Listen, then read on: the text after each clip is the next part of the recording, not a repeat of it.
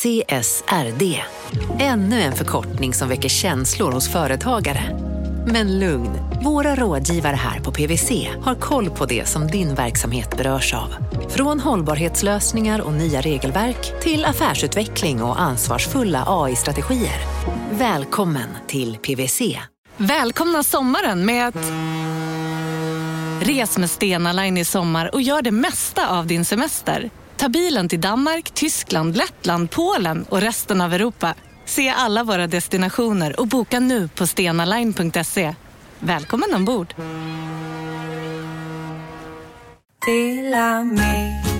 Hej! Är du en av dem som tycker om att dela saker med andra?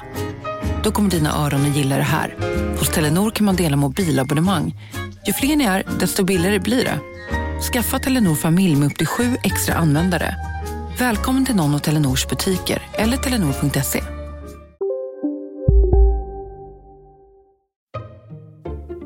Alltså jag fick ju typ... Fråga nummer två, är så, den, är så, den är så svår att svara på så att... Ja. Monopolmedias existensberättigande. Ja, men det... Ja. Ja. Alltså varför monopol Ja. finns. Ja, jag tyckte det var ganska lätt. Det var, det var den lättaste svara på tycker jag. Lite olika hur man är. Ja. Eh, ja, eh, mm, Vi har haft workshop. Ja, Jag ställde ett antal frågor till dig, eh, till Jakob och till mig själv, eh, ska sägas. Och så svarade vi på dem. Bland annat då varför Monopol Media finns. Eh, och det här gjorde vi inte bara för att det var kul, det var rätt kul, eh, utan det fanns ju en anledning. Ja, men eh, vi kämpar ju idag med att liksom bli upptäckta, och lyssnade på och ihågkomna. Och eh, då kan storytelling eller corporate storytelling vara en, liksom till stor hjälp. Att man både internt eh, känner till sin historia och kan prata om den men också externt. Alltså det går snabbt att liksom förmedla vilka vi är och varför vi håller på med det vi gör på ett roligt sätt som gör att folk kan berätta vidare. Ja, vilka är vi och varför håller vi på med det vi gör? Och måste vi veta det för att göra det vi gör? Eh, Idag vänder vi oss inåt och frågar oss om Monopol Media behöver satsa på corporate storytelling för att bli framgångsrikt. Du lyssnar på Kapitalet med mig, Åsa Secker. och med mig Gunnar Harjus. Nu åker vi.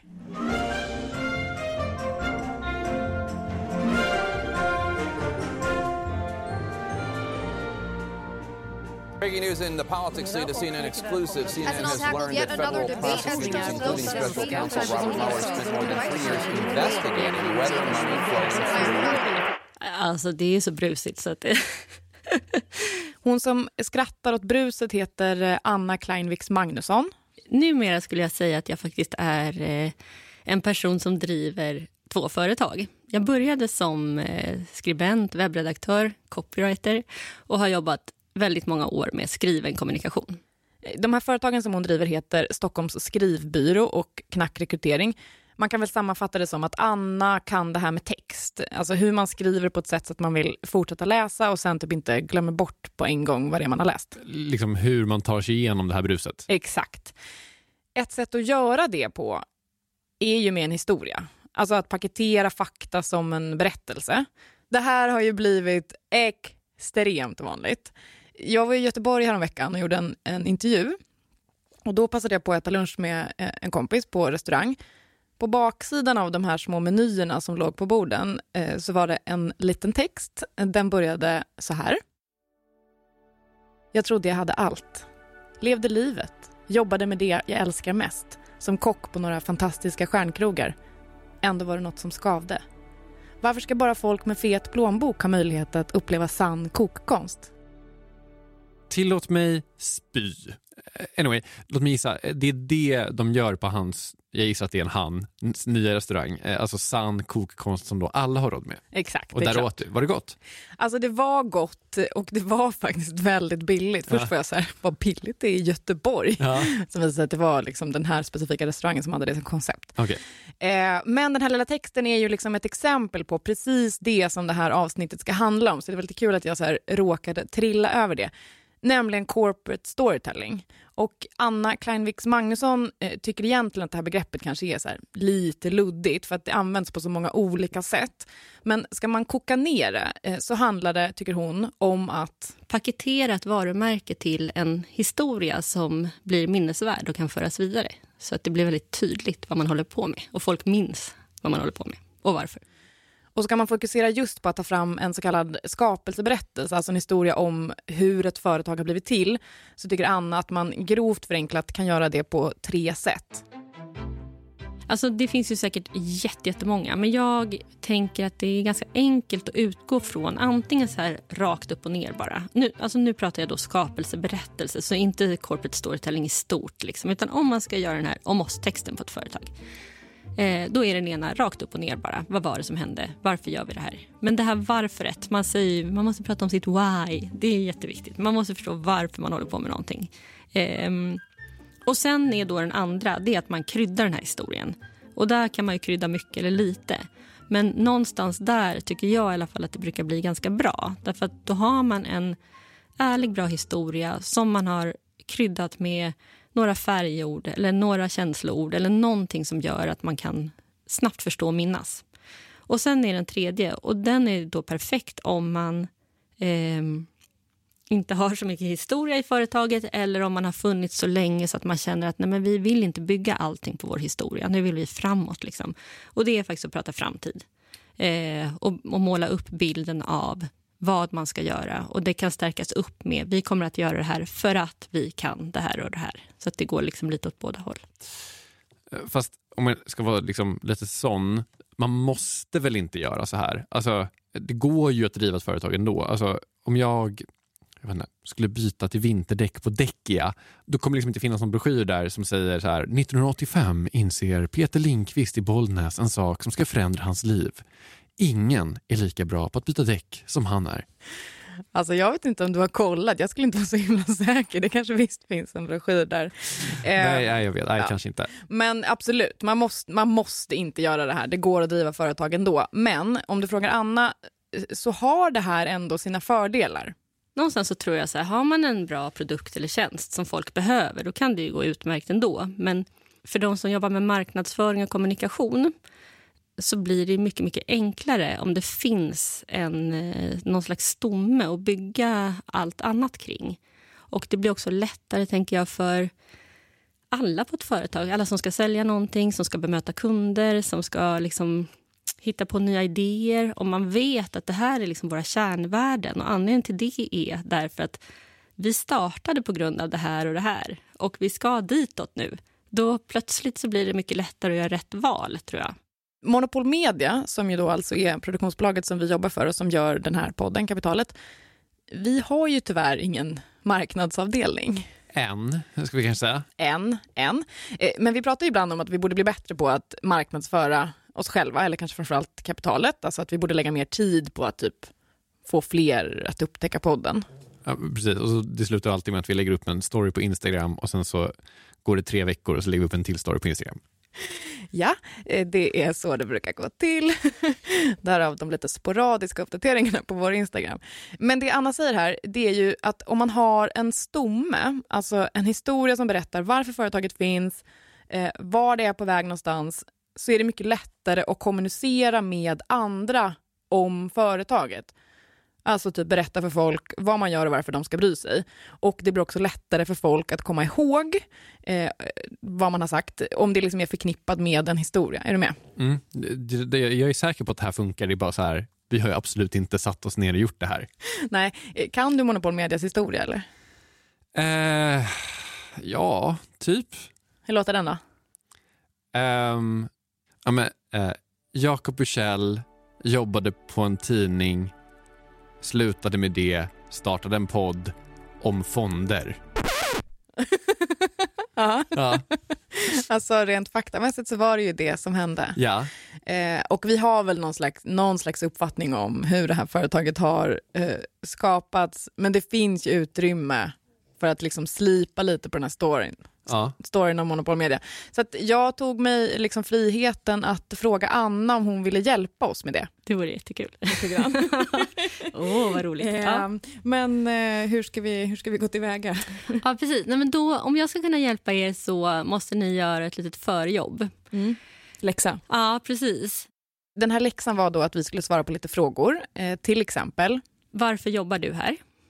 Eh, var önskar du att Monopol Media är om fem år? Varför finns vi överhuvudtaget? och eh, kanske mm, beskriv Monopol Media med tre ord eller någonting sånt där.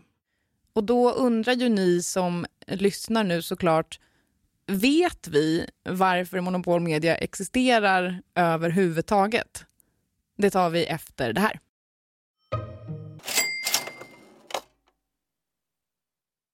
Vi sponsras av alltså Storbrand Asset Management som ju förvaltar över 1000 miljarder norska kronor, bland annat för SPPs eh, många pensionssparare. För två år sedan så investerade Storbrand i drygt 60 tåg, alltså tågvagnar, eh, som rullar mellan London och Skottland. De leasar sedan de här tågvagnarna till tågoperatören som alltså kör tågen och säljer biljetter och sånt eh, med ett avtal på 27 år. Så britterna får nya fina tåg och storbrandskunder, eh, däribland alltså SPPs pensionssparare, får en inflationsskyddad avkastning med låga risker under lång tid. Det här är ett av supermånga exempel på hur pensionskapitalet i växande omfattning bidrar till att bygga samhället och inte minst till att klara klimatmålen. Det behövs elproduktion, elnät, batteriparker, nya transportlösningar och allt möjligt. Bara i Europa antas investeringsbehovet för att klara klimatmålen uppgå till tusentals miljarder dollar. Och det här är ju pengar som ganska ofta saknas i statsbudgetarna. Däremot är det här pengar som pensionsbolagen kan vara med eh, och stoppa in, vilket ger pensionsspararna en fin avkastning under lång tid samtidigt som man är med och ställer om samhället. Vi har gjort ett helt avsnitt om det här eh, som man kan lyssna på. Det publiceras här i Kapitalet i mitten av maj. Ratta gärna in det om ni vill lära er mer om hur det här funkar. Men tack säger vi till Storbrand Asset Management som ju investerar i alla tänkbara tillgångslag, bland annat för pensionsbolaget SPP. Och tillsammans försöker ju vi, Storbrand och SPP, öka medvetenheten om hur pensionerna funkar och vilken roll pensionerna spelar i samhället och i ekonomin.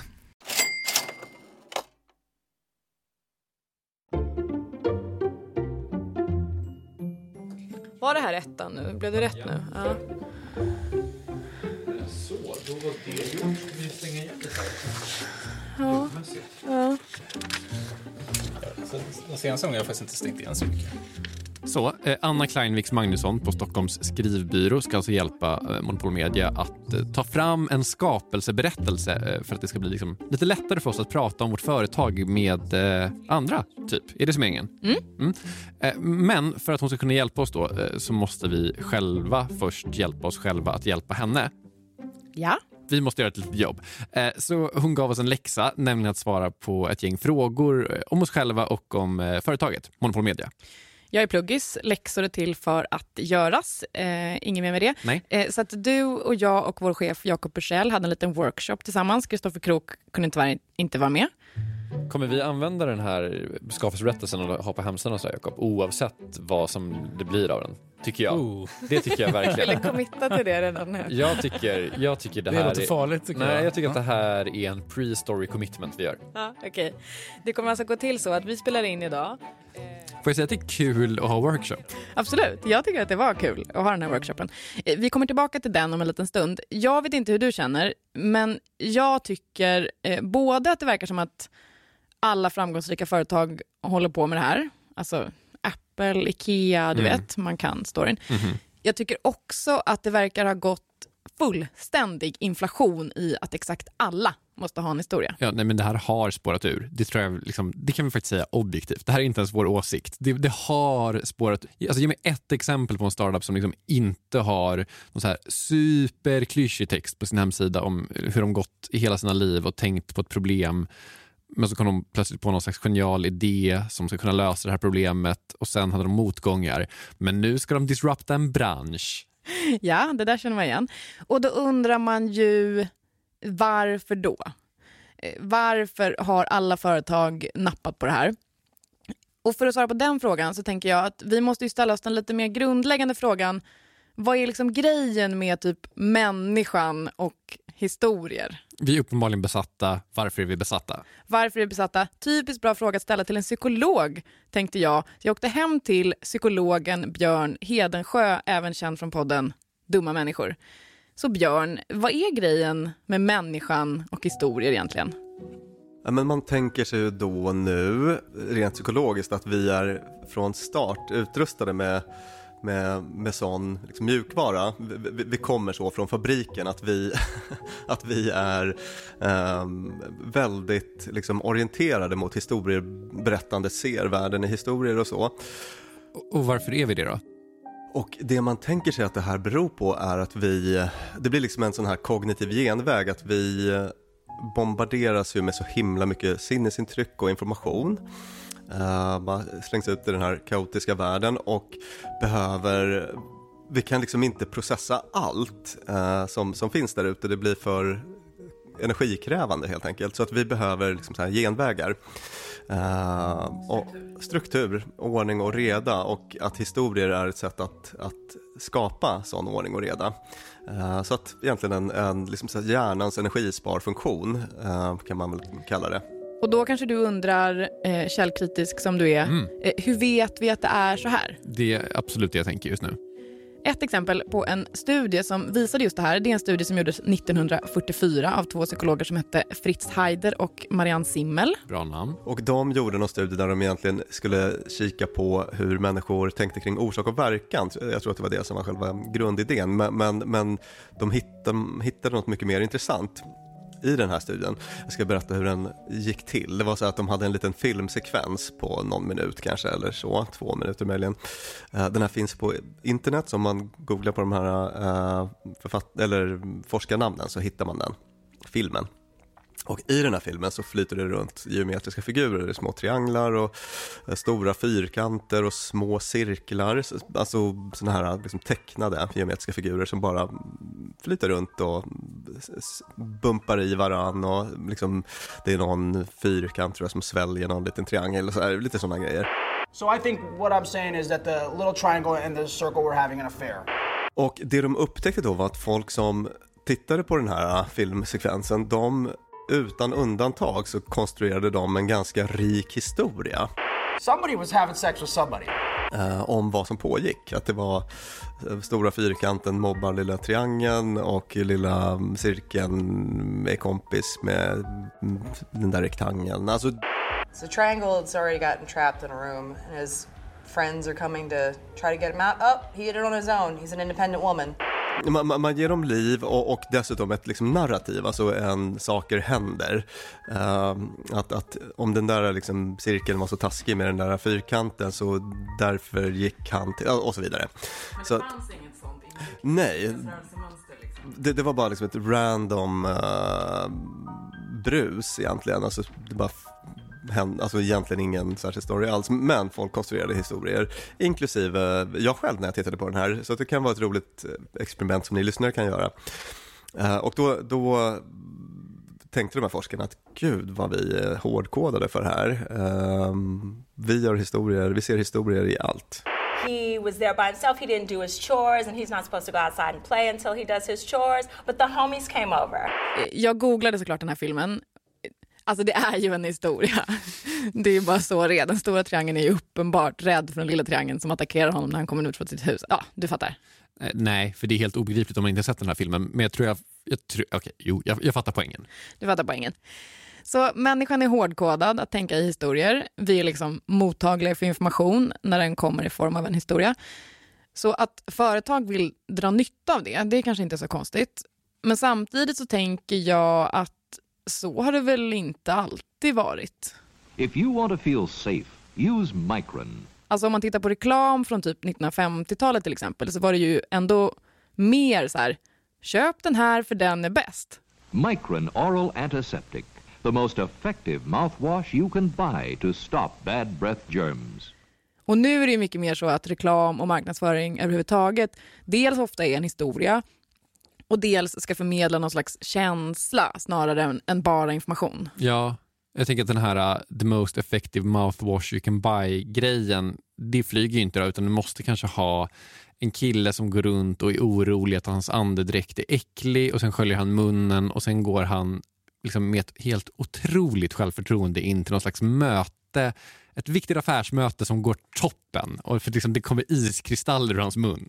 Han är också skitsnygg, för det blir man nämligen av mouthwash. Är det kanske en snygg tjej som sitter längst ner i bordet och kollar på hans otroliga självförtroende när han gör den här pitchen? Det skulle kunna vara så. Men det här att, liksom, att, att vi numera berättar allting i form av historier istället, det är något som språkvetaren Hanna-Sofia Renberg gick och tänkte väldigt mycket på. Så här, hur berättelserna liksom har tagit sig in överallt.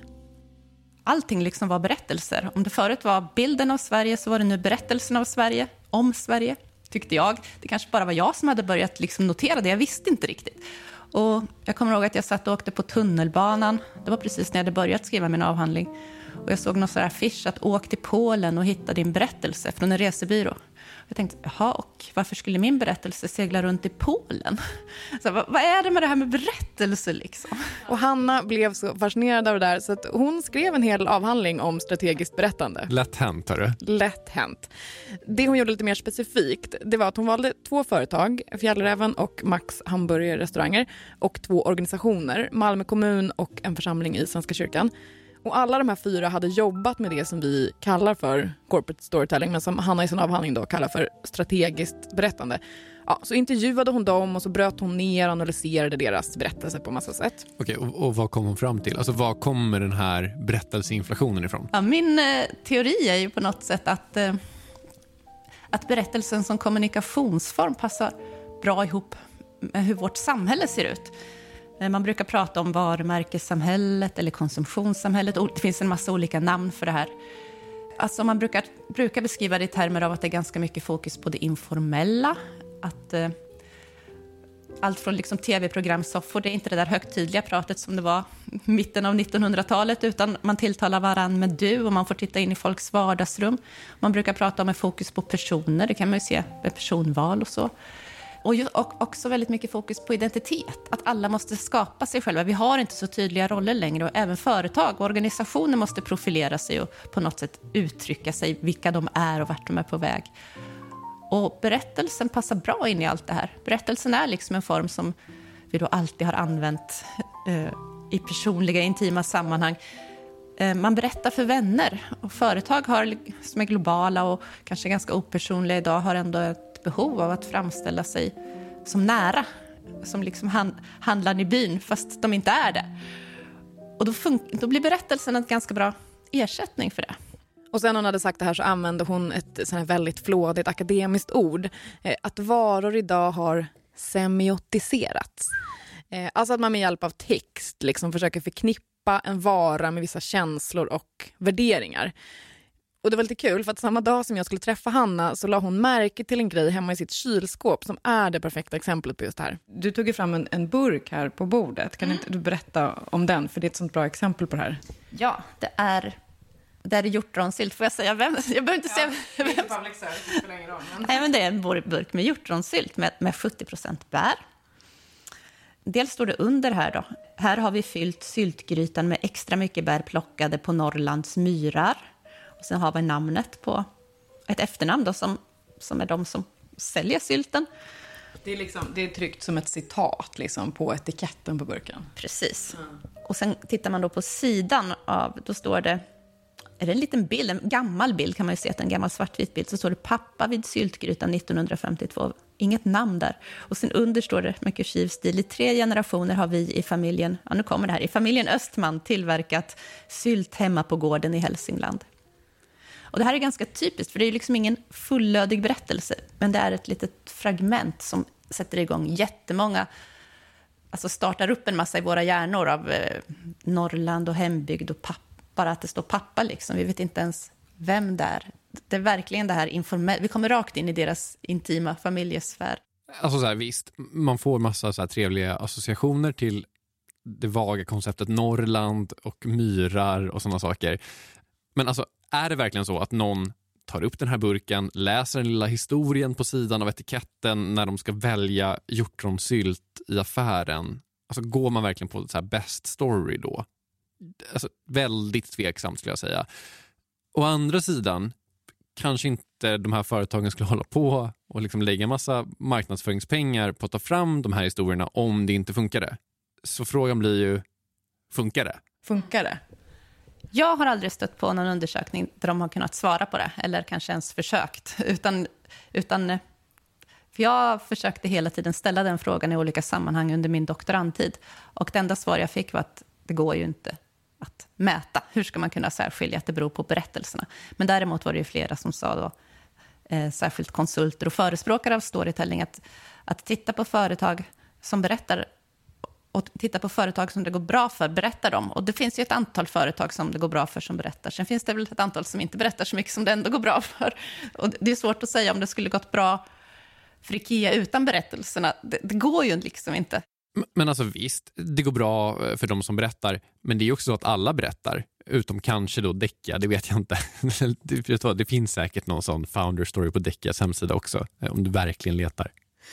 Eh, jag har också eh, försökt ta reda på om det är någon som har liksom gett sig på att försöka mäta det här och typ kolla om man kan se att företag som gör så här tjänar mer pengar eh, eller liknande. Jag hittade ingenting. Så det kanske inte finns några vetenskapliga studier som visar att det funkar för företag att berätta sin historia. Men om vi liksom går tillbaka till oss som Monopol Media. Mm. Jag tycker det känns dumt att chansa. Du känner mig, jag hatar chansningar. Eh, så är det. Så att, eh, hur låter egentligen Monopol Medias historia efter det? Kapitalet sponsras av Master Exchange, plattformen där du som privatperson kan investera i låtar och får pengar varje gång de här låtarna spelas. Eh, vi berättade ju senast eh, om barnlåten Puff the Magic Dragon som noterades av Master Exchange under våren. Nu har utdelningen på den låten kommit, eller royaltyn som vi säger i musikbranschen. Eh, den ligger på drygt 12% i årstakt och det här är ju en avkastning som är helt okorrelerad till börsen. Till och med Goldman Sachs har börjat skriva om just musik som investering just ur det här perspektivet. Nu finns en möjlighet att investera i en ny låt. Eh, låten heter Boss Bitch och den är av Doja Cat eh, som, eh, alltså jag ska inte säga att jag är superdeep här men eh, det är ändå en, en, person som jag vet om det är. En, en världskändis. Den här låten gav baserad på förra årets spelningar en avkastning på drygt 13% Master Exchange har just nu en väntelista på registreringar. Det, det, går lite för bra för dem kan man säga. Men skriver ni in kapitalet som promo code så kan ni runda kön och ansöka om andelar i låten Boss Bitch ändå. Om ni investerar helt vanliga pengar, det är inget krypto eller sånt där, så vill du investera i musik och få en avkastning som är helt okorrelerad med börsen och kanske inte minst eh, för att det är kul att äga låtar, eh, så kan man gå in på masterexchange.com och använda kapitalet som promo code så går man alltså förbi kön. Kom ihåg dock att alla investeringar är förenade med risk, men vi säger stort, stort tack till Master Exchange. Kapitalet sponsras av Karla, Jakob. Ja, bilar igen. Ja, det är eh, härligt. På Karla kan man sälja sin elbil eh, på det gissningsvis smidigaste sättet i Sverige. Eh, Karla har ju ett nästan ett komiskt högt användarbetyg på Trustpilot. Mm. 4,8 av 5, vilket jag typ aldrig hört talas om. Nej, det är väldigt, väldigt högt. Eh, man knappar in lite info om bilen på sidan, sen får man en gratis värdering och ett bud. Accepterar du budet kommer Karla och hämtar upp bilen gratis och sätter in pengarna innan de kör iväg. Inget mer än så. Rätt fantastiskt. Nej, det är faktiskt ja. helt otroligt. Och eh, det kan bli ännu mer eh, otroligt än så. För att vi har nämligen en rabattkod som ger dig 2000 kronor extra för bilen. Så om du säljer din bil så får du två lax extra. Stämmer. Bara sådär. Koden är Monopol och eh, den uppger du när du har värderat bilen och eh, pratat med Karlas inköpare. Koden är giltig till sista maj så att passa på om du går i säljartankar. Jag undrar om vi haft en kod som har gett två lax bara sådär någon gång. Nej. Det är helt otroligt. Man behöver en bil förvisso. Absolut, så det är inte, kanske inte bara sådär, men det är ändå 2000 kronor extra. Väldigt bra. Ja. Så sälj din elbil eller laddhybrid till Karla. Du får 2000 kronor extra med rabattkoden Monopol. Eh, hoppa in och kolla på karla.se Karla Museet. Där kan man också köpa bilar ska jag tillägga. Verkligen. Vi säger stort tack till Karla. Här. Vi hade ju en workshop där vi skulle svara på ett gäng frågor för att eh, Anna Kleinviks Magnusson skulle ha något att jobba med när hon skulle hjälpa oss att ta fram vår skapelseberättelse. Jag måste ändå säga att så här, vi var ganska samstämmiga. Alltså trots att vi ju faktiskt aldrig har satt oss ner och pratat om det här ordentligt förut. Jag är lite imponerad över hur lika vi tänker. Å andra sidan kanske det är en extrem nackdel för oss som företag. Slår mig nu. Jag kände också så här imponerad slash lite eh, skräckslagen. Mm. att vi tänker likadant. Är vi samma person? Du vet, man börjar ställa sig olika frågor. Och då, tog, då liksom vidtog vi ändå åtgärder för att vi inte skulle skriva samma sak. Precis, för så som det gick till, om man ska vara lite konkret, var att eh, alla fick skriva ner svaren på fyra olika frågor på ett papper, så att man liksom skulle tänka självständigt. Fråga nummer två då. Eh, varför finns Monopol Media överhuvudtaget? Då kan du få börja, Jakob. Ja, Det här ska jag väldigt kort. Eh, för att det behövs fler alternativa, alltså fler utgivare i marknaden, punkt. Punkt. Ta du Gunnar. Harrius. Ja, ska jag ta? Eh, för att ingen annan gör det som vi gör, eh, alltså kreativ, genomarbetad radio på det sätt som vi gör det. Eh, och för att det behövs kul och lärorik ekonomijournalistik som kan nå fler än de som lyssnar på torr ekonomijournalistik från andra. Det var bra svar. Ja. Jag önskar, jag önskar Det här var väldigt eh, lika svar allihopa. För att ingen annan kan eller orkar göra det vi gör, riktig journalistik på ett kul sätt, helt oberoende. Snyggt. Ja, länge leve uniciteten, kanske? Verkligen, så fint ord också. Sen höll vi på så där i typ en timme ungefär och jag tänker att vi ska liksom inte plåga lyssnarna med hela den inspelningen. Nej, men det finns några kul delar i den säkert. Som du kommer att göra ett, klippa ihop till ett bonusavsnitt kommer jag på här och nu. Att nu har du en ny läxa, du som älskar läxor. Bonusavsnitt med roliga klipp från den här workshopen. Eh, Varsågod för läxa. Ja, tack så mycket. Läxan kommer att bli gjord. Däremot, eh, Anna Klarmviks Magnusson var ju tvungen att lyssna på hela. Eh, för att jag skickade nämligen hela filen till henne. Lastbil som backar. Och sen så lät jag det gå några veckor. I övrigt väldigt tomt i Gamla stan. Jag började faktiskt med att lyssna. Först lyssnade jag igenom en gång när jag satt eh, i bilen på väg till landet. Och sen så bara för att här, ta in och få någon slags helhetsbild. Sen lyssnade jag en gång till och skrev ner eh, liksom det som jag tyckte var viktigast. Sen fetade jag nyckelord och sånt som jag tyckte var lite så här, ah, men här var lite extra känsla eller här var något konkret som kom fram. Och sen började jag skriva. Mm, och då eh, så hade jag tänkt mig att jag kanske skulle göra två olika versioner. Herregud vad ambitiöst. Alltså om vi gjorde vår läxa så kan man ju säga att Anna verkligen gjorde sin läxa och lite till. Mm. Och vad skrev hon då? Eh, jo, men eh, kommer du ihåg att hon pratade om att man kan göra det här på lite olika sätt? Man kan göra det rakt, man kan göra det kryddat, man kan göra det framåtblickande. Eh, först så skrev jag en som jag kallar för torrt som tusan, som är liksom helt plain eh, fakta, som inte är särskilt mycket storytelling, men bara för att visa hur det kan låta. Liksom. Men sen gjorde jag några eh, olika versioner. En som var lite fokus på bakåt i tiden, alltså er liksom, skapelseberättelse, som utgår då från Jakob. Eh, och sen så gjorde jag eh, några andra som kanske är lite mer, liksom, ja, men inte jättetwistade, men ändå eh, ja, med tydliga inriktningar för att visa lite hur man kan eh, jobba. Version 1, eh, torrt som tusan kallar hon den för, den börjar så här. Monopol Media AB startades 2016 av Jakob Bursell och verksamheten har idag tre anställda. Företaget bedriver produktions och konsultationsverksamhet huvudsakligen inom journalistik och media och säljer annonser. Mm, det, är, det är torrt. Det är torrt. Eh, version 2, eh, som hon kallar för skapelseberättelsen. En blåsig marsdag 2014 lämnar Jakob in dator och passerkort, slänger en sista blick ut över skrivbordshavet och tar hissen ner. Efter fyra år som näringslivsreporter på Svenska Dagbladet har han bestämt sig för att bli egen. Han får uppdrag som poddreporter. Utrustad med en väska innehållande två mikrofoner och ett ljudkort blir hans uppgift att intervjua fondförvaltare. Intervjuerna klipps ihop till podd. Jakob ser snart hur han kan utveckla konceptet och krama kreativt innehåll ur ur ett ganska torrt ämne. Den är, den är ganska lång, vi behöver inte lyssna på hela, men den är ju betydligt festligare än Torr som tusan. Absolut, blåsiga marsdagar. Det känns som att här har ändå någon lagt ner ett jobb. Absolut. Nu kommer vi till de här då lite mer twistade versionerna, som Anna kallar dem. Version 3 låter så här. Radiojournalistiken har gift sig med poddmediet och de är ett bedårande par. Vi på Monopol Media jobbar hårt för att de ska få många smarta, busiga och nyfikna knoddar, eh, förlåt, poddar som snabbt, snabbt kan växa, utvecklas och ta plats. Vi älskar ljudmediet och tar alla chanser att sprida kunskap, utmana och ha roligt, både när vi hjälper uppdragsgivare med produktioner och när vi gör egna. Har du ett frö i form av en idé kan vi hjälpa dig att befrukta det Kanske blir den så småningom en av de stora i Monopol Medias syskonskara. Alltså det här är ju lite kul. Aha. Det känns kanske inte så vi att börja prata om olika bebisar. Jag, Alltså, vet inte. jag vet inte om vi är...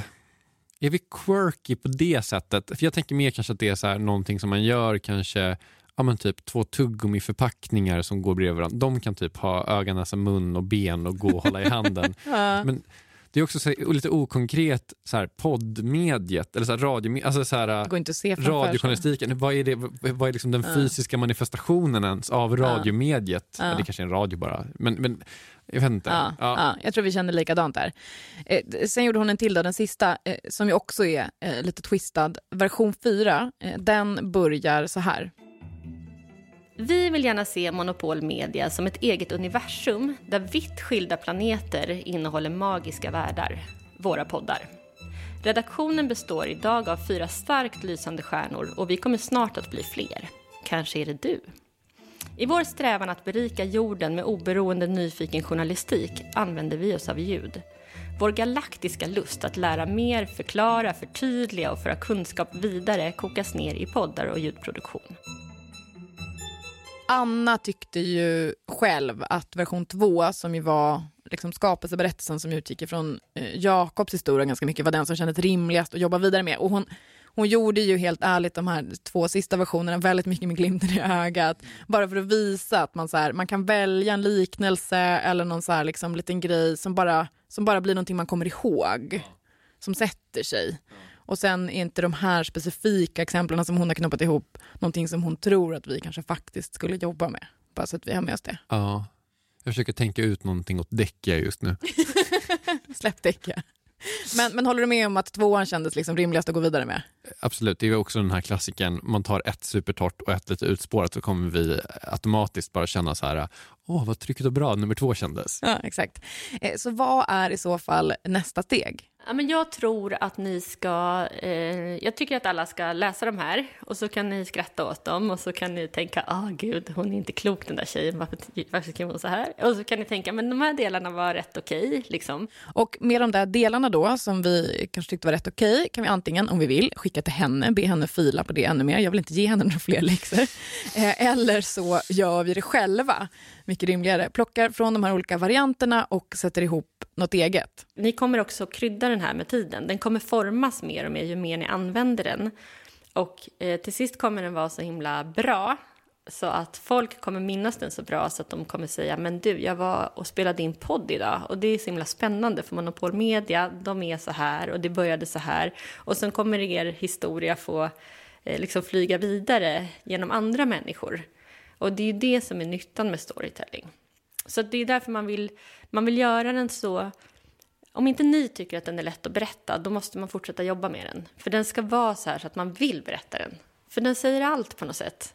Och det där sista var språkvetaren Hanna-Sofia Renberg också inne på, att halva jobbet med corporate storytelling är ju att försöka sätta historien i rörelse, alltså att få andra att berätta den vidare, så att man till slut har en historia som, liksom, ja, men som är lika välkänd som två killar i ett garage i Kalifornien. Mhm. Men det finns ju också ett tredje alternativ som vi varit inne på lite grann för oss och det är ju att vi helt enkelt skiter i allting som hon har sagt hittills och bara är ett företag utan story liksom. Eh, och vad händer om vi eh, låter bli allt det här? Vi, vi, vi går vidare i livet. Vi, vi orkar inte knåda liksom. Ja, men jag tror att ni är grymma på det ni gör. Liksom. Och jag tror att, er, att ni har en sån kärlek också till Monopol Media tror jag kommer göra att det kommer att gå bra för Monopol Media och ni kommer att komma dit ni vill. Men jag tror att det kommer gå snabbare och få en rakare väg om ni gör det här.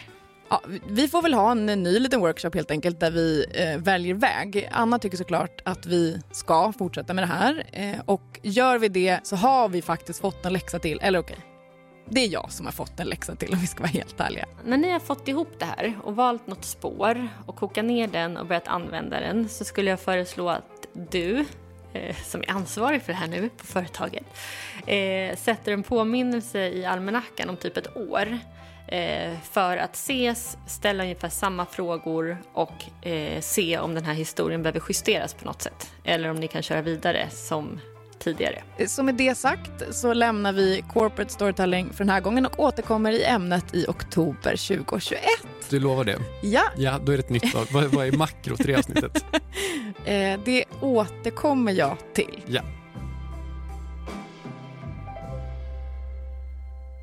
Eh, Vi som har gjort det här avsnittet heter Åsa Secker och Gunnar Harrius. Vår chef heter Jakob Bursell. Vår ljudtekniker heter Kristoffer Krook. Det är han som har mixat det här avsnittet. Stort tack till Anna Kleinmix Magnusson som inte bara träffade mig två gånger utan också orkade lyssna på hela inspelningen från vår workshop. Följ oss gärna på Instagram om ni inte gör det. Där lägger vi sporadiskt upp roliga grejer. Vi heter Kapitalet. Det kommer bli bättre och bättre där nu efter att vi har den här liksom storyn att utgå ifrån, tror jag. Mm. Mm. Eh, också, vi har en eh, supporterklubb som heter Styrelsen. Eh, den kan man gå med i på kapitalet.se support. Där får man lyssna på Kapitalet utan eh, reklam. Eh, lyssna på bonusavsnittet som är skapelseberättelsen Monopol Media. Eh, det blir eh, toppen. Hörs igen om en vecka. Hej då!